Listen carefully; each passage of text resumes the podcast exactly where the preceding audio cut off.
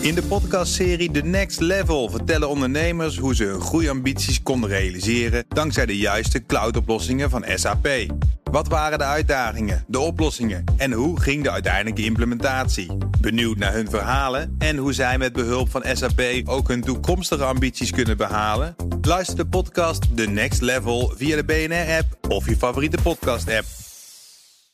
BNR Digitaal wordt mede mogelijk gemaakt door Orange Cyber Defense.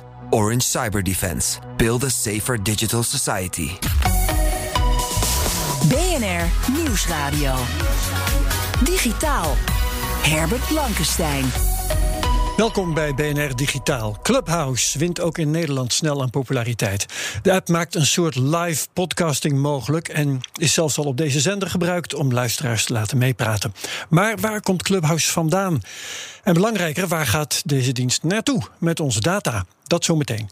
Nu eerst, de alarmbellen zijn aangezet door de AIVD, MIVD en de Nationaal Coördinator Terrorismebestrijding en Veiligheid. In onze zustertitel FD vertelden ze onlangs dat hackers uit China en Rusland dagelijks aanvallen uitvoeren op onze vitale infrastructuur. Er zou meer geld en vooral meer samenwerking nodig zijn om dat te bestrijden. Daar praten we over met Jort Collery, cybersecurity expert bij Orange Cyber Defense. Hey, de sponsor van BNR Digitaal. Jort is kenner van dit landschap. Welkom. Goeiedag, Herbert. Even gelijk tot de kern van de zaak. Waar moeten we precies bang voor zijn? Wat zijn de meest geliefde doelwitten voor die hackers? Nou ja, de meest geliefde doelwitten, dat ligt eraan. Uh, als je kwetsbaarheden hebt als organisatie, dan uh, word je ontdekt en ben je sowieso een doelwit. Maar op dit moment. Hè, uh, dat is onvermijdelijk. Dat is onvermijdelijk inderdaad. En waar we voornamelijk over hebben zijn natuurlijk de vitale systemen. Maar ook bijvoorbeeld recentelijk het uh, artikel over uh, Chinese scanners in de haven van Rotterdam. Ja. En alles is natuurlijk uh, te infecteren, te gebruiken als pressiemiddel. En we hebben natuurlijk in het verleden al diverse aanvallen gehad op het gebied van cyberespionage. Ja, de IVD, MIVD, de coördinator terrorismebestrijding, die noemde vooral China en Rusland. laatst was hier in dit programma Ricky Gevers, die vertelde hoe Noord-Korea westerse veiligheidsonderzoekers heeft aangevallen, notabene. Welke landen zijn nog meer landen om in de gaten te houden? Ja, dat, dat zijn de, de usual suspects, uh, waar natuurlijk ook veel sancties tegen zijn uh, gevoerd vanuit de westerse landen. Dus we moeten denken aan landen uit het Midden-Oosten, dus bijvoorbeeld Iran, Syrië. en die zetten natuurlijk ook steeds vaker een, een, een aanval in met een mix van analoge en digitale oorlogsvoering. Ja, Syrië niet echt een bekend land in, in zulke rijtjes. Is dat een nieuw kid on the block? Nou, we hebben dan natuurlijk de, de Arabische lente meegemaakt, waarbij ze natuurlijk uh, aanvallen op hun eigen uh, burgers natuurlijk hebben uitgevoerd. En ook daarbuiten uh, om inmenging te voorkomen. Ja, waarom is Nederland zo interessant voor aanvallen uit zulke landen?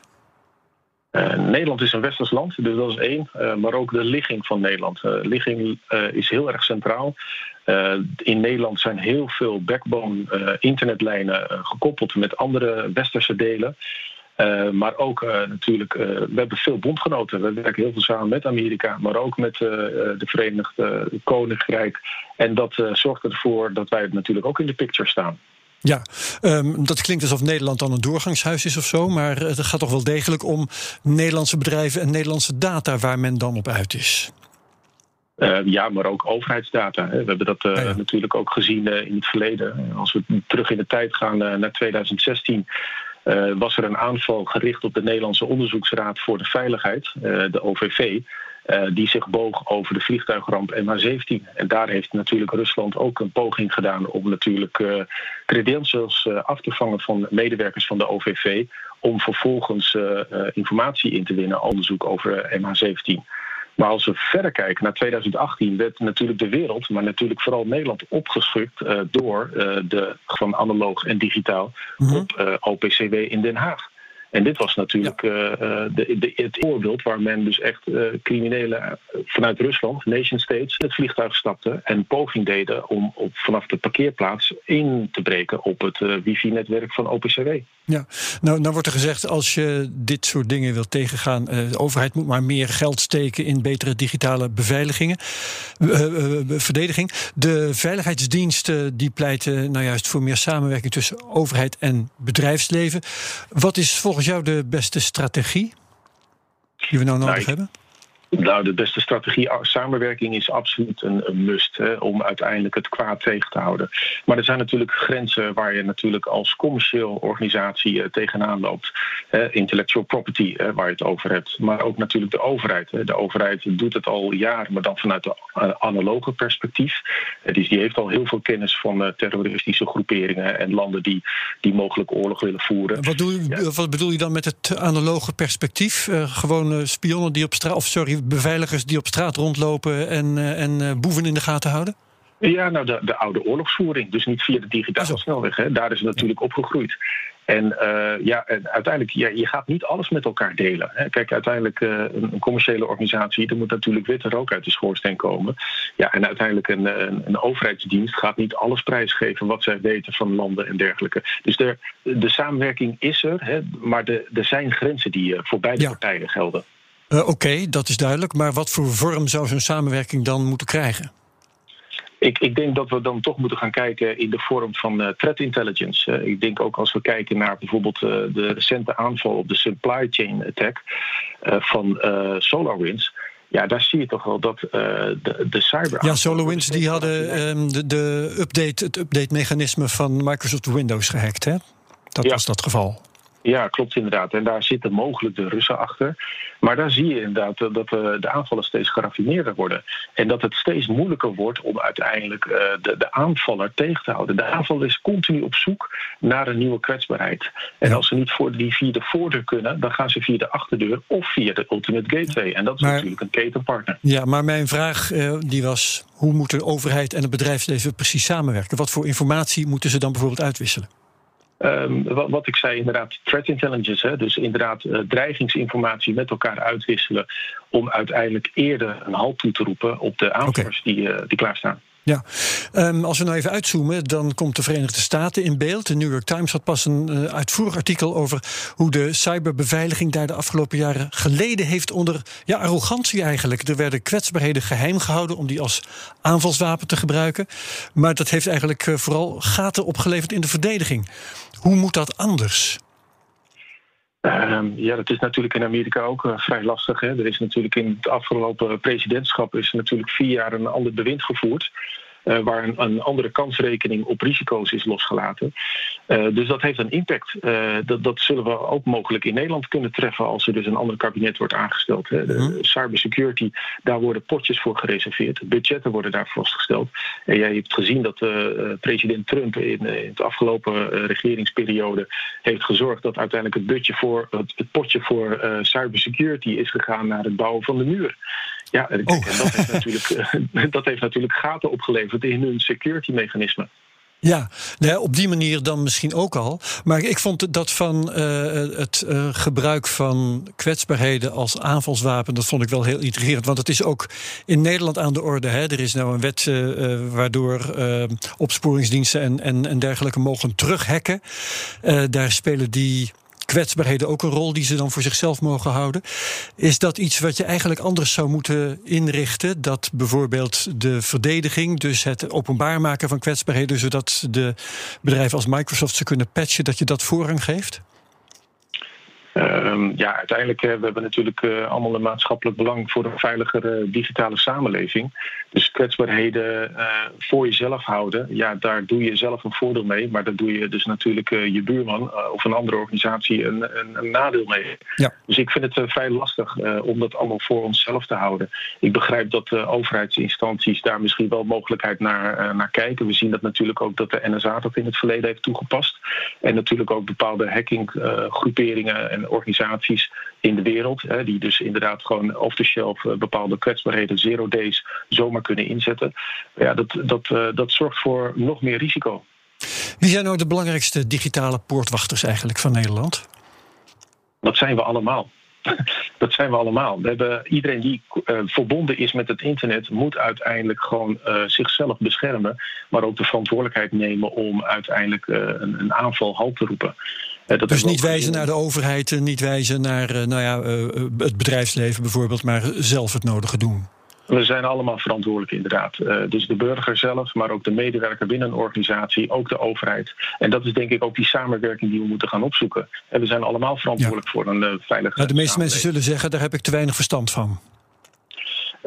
ja, en dat is denk ik ook een probleem. we, we gaan ervan uit dat iedereen met computers kan omgaan. Maar dat is natuurlijk ook een, een misvatting. Ja, um, maar wat doen we daaraan? Uh, wat kunnen we eraan doen? Dat is een betere vraag, denk mm ik. Uh, we zouden bijvoorbeeld, uh, net zoals dat we moeten leren rijden op de, op, de, op de openbare weg, zouden we daar misschien gewoon les in moeten nemen. En daar is in het verleden al veel vaker over gesproken om uiteindelijk de jeugd hè, op school educatief veiligheidsnormeringen bij te laten brengen op de digitale snelweg. En dat wordt nog steeds niet gedaan. En ja, en dat zie je uiteindelijk dat ook de nieuwe generatie uiteindelijk gewoon het internet omarmt als een, medium zonder uh, gevaren, maar terwijl er eigenlijk wel degelijk risico's aan kleven. Ja, dus daar moet dan. Uh, moeten we meer, ons meer bewust van zijn. Nog eventjes uh, terug naar de, de begroting van de AIVD. Die is de laatste tijd verhoogd, bedraagt nu 308 miljoen euro. Is meer geld die kant op? Uh, is dat een goede oplossing voor, afgezien dus van, van meer bewustwording enzovoorts, meer geld in de richting van geheime diensten een, een, een probaat middel? Ehm, dat vind ik eh, lastig te zeggen. Ik, eh, ik, ik weet niet eh, waar ze het allemaal aan besteden. Maar een goede bescherming is. ja, de schijn, daar zit ik niet in. goede bescherming is meer dan alleen dure spullen aanschaffen. En ik, ik weet, en ik ben zeker van overtuigd dat de AIVD heel goed kan vaststellen waar de risico's liggen en die in kaart te brengen om zodoende het juiste budget te vragen aan de, aan de overheid. Ja, oké. bedankt voor je inzichten. Jort Collery, cybersecurity expert bij Orange Cyber Defense. Herbert Blankenstein. Het is een razendsnel groeiende place to be, Clubhouse. Die app die laat je live luisteren naar radio- en podcastmakers. Laat je ook meepraten als je de beurt krijgt. Ook op BNR hebben we Clubhouse al gebruikt om luisteraars aan het woord te laten. Maar waar komt dat plotselinge enthousiasme vandaan? Zijn er ook kritische geluiden? Daarover praten we nu met twee kenners die Clubhouse al uitvoerig getest en onderzocht hebben. Maar wel doen we dat via onze eigen vertrouwde lijn en dus niet via de Clubhouse-app. Allereerst is hier Patrick de Leve, medeoprichter van de Next Web web. Goed je, dat je er bent, Patrick. Ja, uh, dank je voor de uitnodiging. Zeker. En daarnaast Arnoud Wokke, tech-redacteur bij Tweakers. Ook welkom, Arnoud. Hoi. Patrick, hoe lang ben jij al actief op Clubhouse? Wat is het leukste dat je hebt gedaan tot nu toe? Um, ik ben, denk ik, vijf weken of zo actief. En ik moet zeggen, uh, ja, redelijk, redelijk verslaafd. Dus elke dag tijdens het hond uitlaten uh, oh. begin ik. Begin ik en ik eindig eigenlijk vlak voordat ik naar bed ga. En dan zit ik, voor ik het weet, zit ik uh, drie uur op Clubhouse. Oh, dat, ja, wat ik het leukste vind, is de diversiteit aan de gesprekken eigenlijk. En toch wel het persoonlijke contact wat je, wat je nu misschien in het dagelijks leven mist. Maar dat je toch, ja. Uh, ja uh, toch, toch, toch krijgt via, via Clubhouse. Dus in plaats van podcasting en alleen maar luisteren, is het nu dus mee ouwe hoeren? Ja, eigenlijk wel. Ik, voor mij was uh, zeg maar het creëren van een podcast eigenlijk veel te veel werk. En dit is voor, dit is, ja, voor mij ideaal, omdat je gewoon intuned, geluidskwaliteit is goed. de app zit heel goed in elkaar en je hebt inderdaad interactie met de mensen met wie je luistert. En wat het leuke maakt, is ook dat je kan zien wie er luistert. En, die, en op basis daarvan kan je natuurlijk weer beslissingen maken om iemand uh, even te vragen van hé, hey, ik zie uh, Herbert in het publiek zitten, die heeft hier vast een mening over. Altijd. Dus ik geef Herbert even de microfoon. ja. dat, dat, is heel leuk. Arnoud uh, Wokke, wat zijn jouw eerste indrukken als gebruiker van Clubhouse? Ja, ik zit er nu ongeveer een week op of zo, dus minder lang. Ehm, ja, ik, eh, ik, ik ben lang niet zo verslaafd. Ik kijk wel altijd elke avond eventjes wat er is. Want ik ben er super nieuwsgierig naar. Maar er zijn niet zoveel gesprekken gaande die mij interesseren. Of mijn feed is nog niet zo goed geoptimaliseerd. Dat kan natuurlijk ook. Ja, ja, ja oké. Okay. Dat, daar kun jij werken, hè? ongetwijfeld. Um, Clubhouse eh, is wel beschreven als een soort coronaproof vervanging van conferenties met al die sprekers en, en de borrelpraat daaromheen. Patrick, eh, jou, vooral jou als eh, iemand van de Next Web moet dat goed aanspreken. Nou, ik, denk in ieder geval dat het, als je kijkt naar conferenties zelf, dat het een hele mooie extensie is op, op, conferenties, digitale conferenties, maar ook later verwacht ik ook op in-person conferenties. Waarbij ik kan zeggen, er is een spreker die komt on stage. Uh, daarna doen we nog een EME of doen we nog een, een, na, nabespreking op Clubhouse. Nou, dat soort dingen zijn, denk ik, kan het heel goed voor werken. Het werkt op op heel veel verschillende vlakken heel goed. En ik denk nu zie je, ja, Elon Musk is dan uh, even langs geweest, Mark Zuckerberg. Ze zijn dus heel goed in het aantrekken van talent die uh, op Clubhouse komt. Dat heeft er ook voor gezorgd dat het zo enorm populair is geworden de afgelopen maand. Ja, ja, ja. Doet Clubhouse als bedrijf dat bewust? Um, influencers en dergelijke inschakelen om het zaakje te pushen? Uiteraard. Ja. Lijkt mij wel. het zou gek zijn als het anders was, waarschijnlijk. Ja. Ja. Um, en uh, mensen luisteren mee. Uh, als je zelf aan het praten bent, moet je natuurlijk wel weten wie er allemaal luistert. Um, is het dan ook niet meteen een beetje shaky wat de privacy betreft? Nou, ik denk dat het ligt aan, aan, je definitie van privacy. Ik bedoel, je weet als je op Clubhouse gaat dat, hoe het werkt, dat je profiel te zien is, dat je meeluistert. dus ja, als jij uh, in, in een borrelpraat mee wil of praat over dating apps en, en, je hebt er eigenlijk niks te zoeken, dan weet je wel dat je daar zichtbaar bent. Ja. ja. En hoorbaar. Goed, Arnoud, jij hebt echt onderzoek gedaan naar de privacy, maar dan meer in digitale zin hè, van Clubhouse. Hoe ziet dat eruit? Het is, um, ik zou het geen onderzoek willen noemen trouwens hoor. Ik heb het wel geprobeerd een beetje uit te zoeken, maar het is knap lastig. Anderen hebben dat al wel gedaan. Um, uh, en wat, wat daarbij een beetje opvalt is, het is natuurlijk een start-up. Het bestaat sinds april vorig jaar. Ja. Nog niet zo lang. En, um, uh, en dingen als privacy, beveiliging en moderatie staan bij startups meestal niet bovenaan het lijstje van dingen die ze als eerste regelen. Dat is ook logisch natuurlijk. Je wil eerst, eerst die influencers, hè? Ja. ja, precies. Je wil eerst zorgen dat succes is en pas daarna ga je denken aan hoe, uh, hoe het verder zou moeten gaan. En dat vierde wel aan af. Ze hebben bijvoorbeeld gekozen voor de backend voor Agora. Dat is een deels Chinees bedrijf. En uh, ja, als je in 2020 in zee ging met een Chinees bedrijf voor je backend, aan wie je uh, gebruikersgegevens ook geeft, um, dan denk ik dat bij diverse mensen wel alarmbellen zouden moeten afgaan. En dat gebeurt nu dus ook. Ja, um, het verbaast me toch wel een beetje dat je zegt: uh, het is normaal voor een start-up om uh, die privacy, om daar later eens een keertje aan te denken. Want uh, tegenwoordig is privacy by design toch in elk geval wel een, een, een motto dat je zo nu en dan hoort. Zeker, alleen ja, je wil natuurlijk als app wel dat het een beetje dat het, dat het gaat leven, hè? Dat, het, ja. dat, er, dat er gebruikers komen. En een van de trucs daarvoor is bijvoorbeeld dat als je je aanmeldt, dan kun je je hele adresboek uploaden. Nou, dat was tien jaar terug, was het bij sociale media super normaal. Ja. Um, inmiddels staan er vraagtekens bij. Ik las ook al een blog van iemand die zei van hé, hey, misschien is dat tegen de regels van de AVG. Nou, dat weet ik niet, ik ben geen jurist. Dat was mijn maar, vraag, ja. Ja, ja, ja. Maar ethisch kan je er al vraagtekens bij stellen, want je gooit de gegevens van je vrienden, familie en andere contacten, die gooi je daarmee wel te grabbel bij een bedrijf waarvan je geen idee hebt hoe betrouwbaar ze eigenlijk zijn. En wat ze precies met die gegevens willen en doen aan, aan wie ze dus nog meer doorspelen. Een Chinese ik ben, ik ben geen, geen advocaat, Patrick. maar ik durf wel te zeggen dat het tegen, dat het tegen de AVG is. Ja, dat vermoeden had ik dus ook. dat, dat weet ik wel heel zeker. En mijn, mijn, mijn, hoe ik ernaar keek was, ja, ze willen heel hard groeien. En dat doen ze dus ook op deze manier.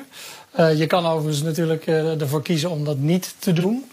Uh, om wat niet te doen? Om niet te groeien? Nou, nee, niet, om niet je adresboek te uploaden. Ah, zo ja. oh, als gebruiker kun je daarvoor kiezen, ik begrijp. Ja. ja. ja maar, maar goed, het gebeurt natuurlijk wel. Dus ze hebben heel veel gegevens. Ik weet ook nog, bijvoorbeeld, er zijn genoeg voorbeelden in het verleden. Viber deed dat ook. Dat bleek het Israëlisch bedrijf te zijn die data doorverkocht aan anderen. Ja. Um, nou, dat is, dat, dat is Clubhouse niet. Maar ze overtreden alle Europese wetgevingen uh, zeker weten. En, en, en, en vind jij dus dat dan ook een bezwaar, Patrick? mee stoppen. Ja, huh? oh, ze zullen er wel mee stoppen, zeg je. Want vind jij het ja. dan? Jij zegt je gebruikt het heel graag. Je zegt ook het is goed bruikbaar voor, um, voor het organiseren van online conferenties. Maar zou, zou jij het dan nu zonder aarzelen inzetten? Of zeg je van nee, dit deugt niet, blijf ik vanaf? Nou ja, ik, ik, als je dus op Clubhouse gaat, is, is, die keuze dus aan de, aan de gebruiker. Je hoeft je adresboek niet uh, te uploaden. Dus als jij gewoon. Ja, moet je zelf maar Dus ik raad eigenlijk ook aan om dat niet te doen. En vervolgens moet je gewoon één iemand of twee mensen volgen. En, en zo bouw je uiteindelijk je stream op. Um, en ja, dus dat, dat raad ik aan. Maar ik verwacht nog wel een rechtszaakje links of rechts, uh, vroeger of later tegen Clubhouse. Ja. Maar nu, en dat is een beetje natuurlijk hoe de Amerikaanse partijen dat altijd wil doen, is gewoon agressief die markt in hard groeien. En dat er een paar regels worden overtreden, ja, dat nemen ze op de koop toe. En ze hebben geloof ik 100 miljoen in funding. Dus ja, ja nou ja, dat nemen ze dan een beetje op de koop toe. Ja, en beter later sorry zeggen. Ja, en conformeren aan de, de wetgeving. Ja. Ja, en um, wat denk je nou, Patrick? Jullie zien geregeld start-ups voorbij komen. Is dit nou een blijvertje? Uh, ja, ik, de, ik, denk het wel. Het is, het is een, uh, uh, je hoort wel verschillende geluiden uit verschillende landen. Dus het, het, nou, hier is een geluid wat, wat ik je voor kan houden. we hadden een paar jaar geleden Meerkat en Periscope. Hoor je ook niet zoveel meer van. Nee, inderdaad. Ja, Periscope is nu, ligt nu aan de basis van Twitter. zijn, de opvolger van uh, of eigenlijk de, de tegenhanger van uh, Clubhouse, waar Twitter mee gaat komen. Twitter Spaces heet dat. Um, inderdaad, daar hoor je nu ook niet veel meer van. Maar ik denk wel dat dit is een soort van hele laagdrempelige vorm. Een makkelijke vorm om content te creëren, interessante kennis met elkaar te delen.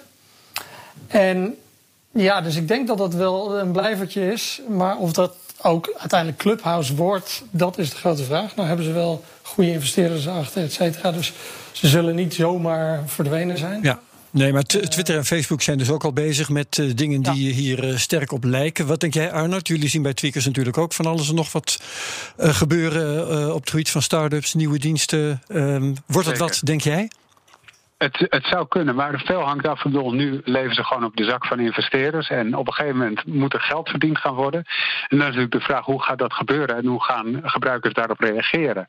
Um, het zou kunnen met advertenties, een heel gangbaar model. Maar ja, het haal je daarmee voldoende binnen? Of wordt het een soort van abonnementen? Hebben ze ook al naar gehint of voor je? Dus als sprekers iets heel uh, goed zeggen of een goede room hebben gehost, dat, dat je dan wat geld kan geven. Um, dat zijn allemaal van die modellen. Maar op het moment dat het geld gaat kosten om, om naar gesprekken te luisteren, uh, ja, hoeveel gebruikers blijven er dan nog over? Dat is dan een beetje de vraag. Dat is nu nog niet aan de orde, hoor, want ze willen eerst natuurlijk zo ver mogelijk groeien. En dan pas gaan denken aan geld verdienen. Maar ja, als dat gebeurt, ja, dan is denk ik het kritieke moment of het wordt een blijvertje met een bepaalde niche. Uh, of het zakt weer weg en, en een Facebook of een Twitter neemt het over met een gratis dienst of die langer gratis blijft. Uh, uh, waar dan alle conversaties gaan plaatsvinden. Ja, ja, een gratis onderdeel van een, van een groot bedrijf, dat, dat ligt dan best voor de hand. Vind jij dat ook, Patrick? Nou, ze hebben, ze hebben, er, ze hebben er ook uh, een aantal dingen over gezegd. Hè. De oprichter van Clubhouse heeft gezegd... wij willen investeren in creators... en dus daar ook een businessmodel omheen bouwen. Inderdaad, wat al even genoemd werd, uh, eigenlijk tipping. Uh, dus je, je, zit in een room en je denkt... dit is zo waardevol, ik, ik, ik, tip even een dollar ah, ja. of een euro. Ja, ja, ja. Voor je. Dus dat is één. tickets, dus dat zou dan zijn voor bepaalde rooms... of bijvoorbeeld voor bepaalde events... Dat je als eventorganizer kan zeggen, nou wij organiseren een event, kost je tientje of honderd. Ik wou net zeggen, dat is dan speciaal geschikt voor congressen, die kosten toch geld en daar hebben mensen niet, ja. zo, niet zo moeite mee, de baas betaalt het enzovoort. Inderdaad, uh, en subscriptions inderdaad. Maar die subscriptions die zullen dan waarschijnlijk gaan over clubs.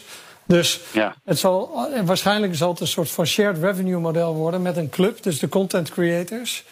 Uh, en Clubhouse. En uh, dat moet je een beetje zien als een club kan dus bijvoorbeeld zijn uh, Business News Radio Club.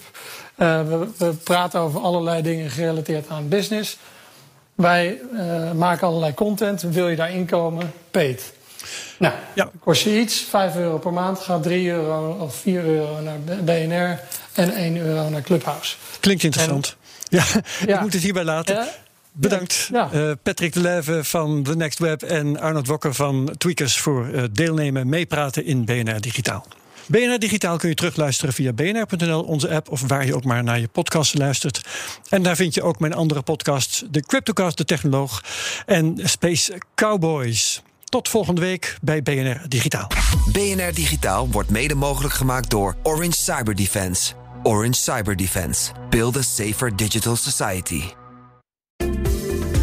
In de podcastserie The Next Level vertellen ondernemers hoe ze hun groeiambities konden realiseren dankzij de juiste cloudoplossingen van SAP. Wat waren de uitdagingen, de oplossingen en hoe ging de uiteindelijke implementatie? Benieuwd naar hun verhalen en hoe zij met behulp van SAP ook hun toekomstige ambities kunnen behalen? Luister de podcast The Next Level via de BNR-app of je favoriete podcast-app.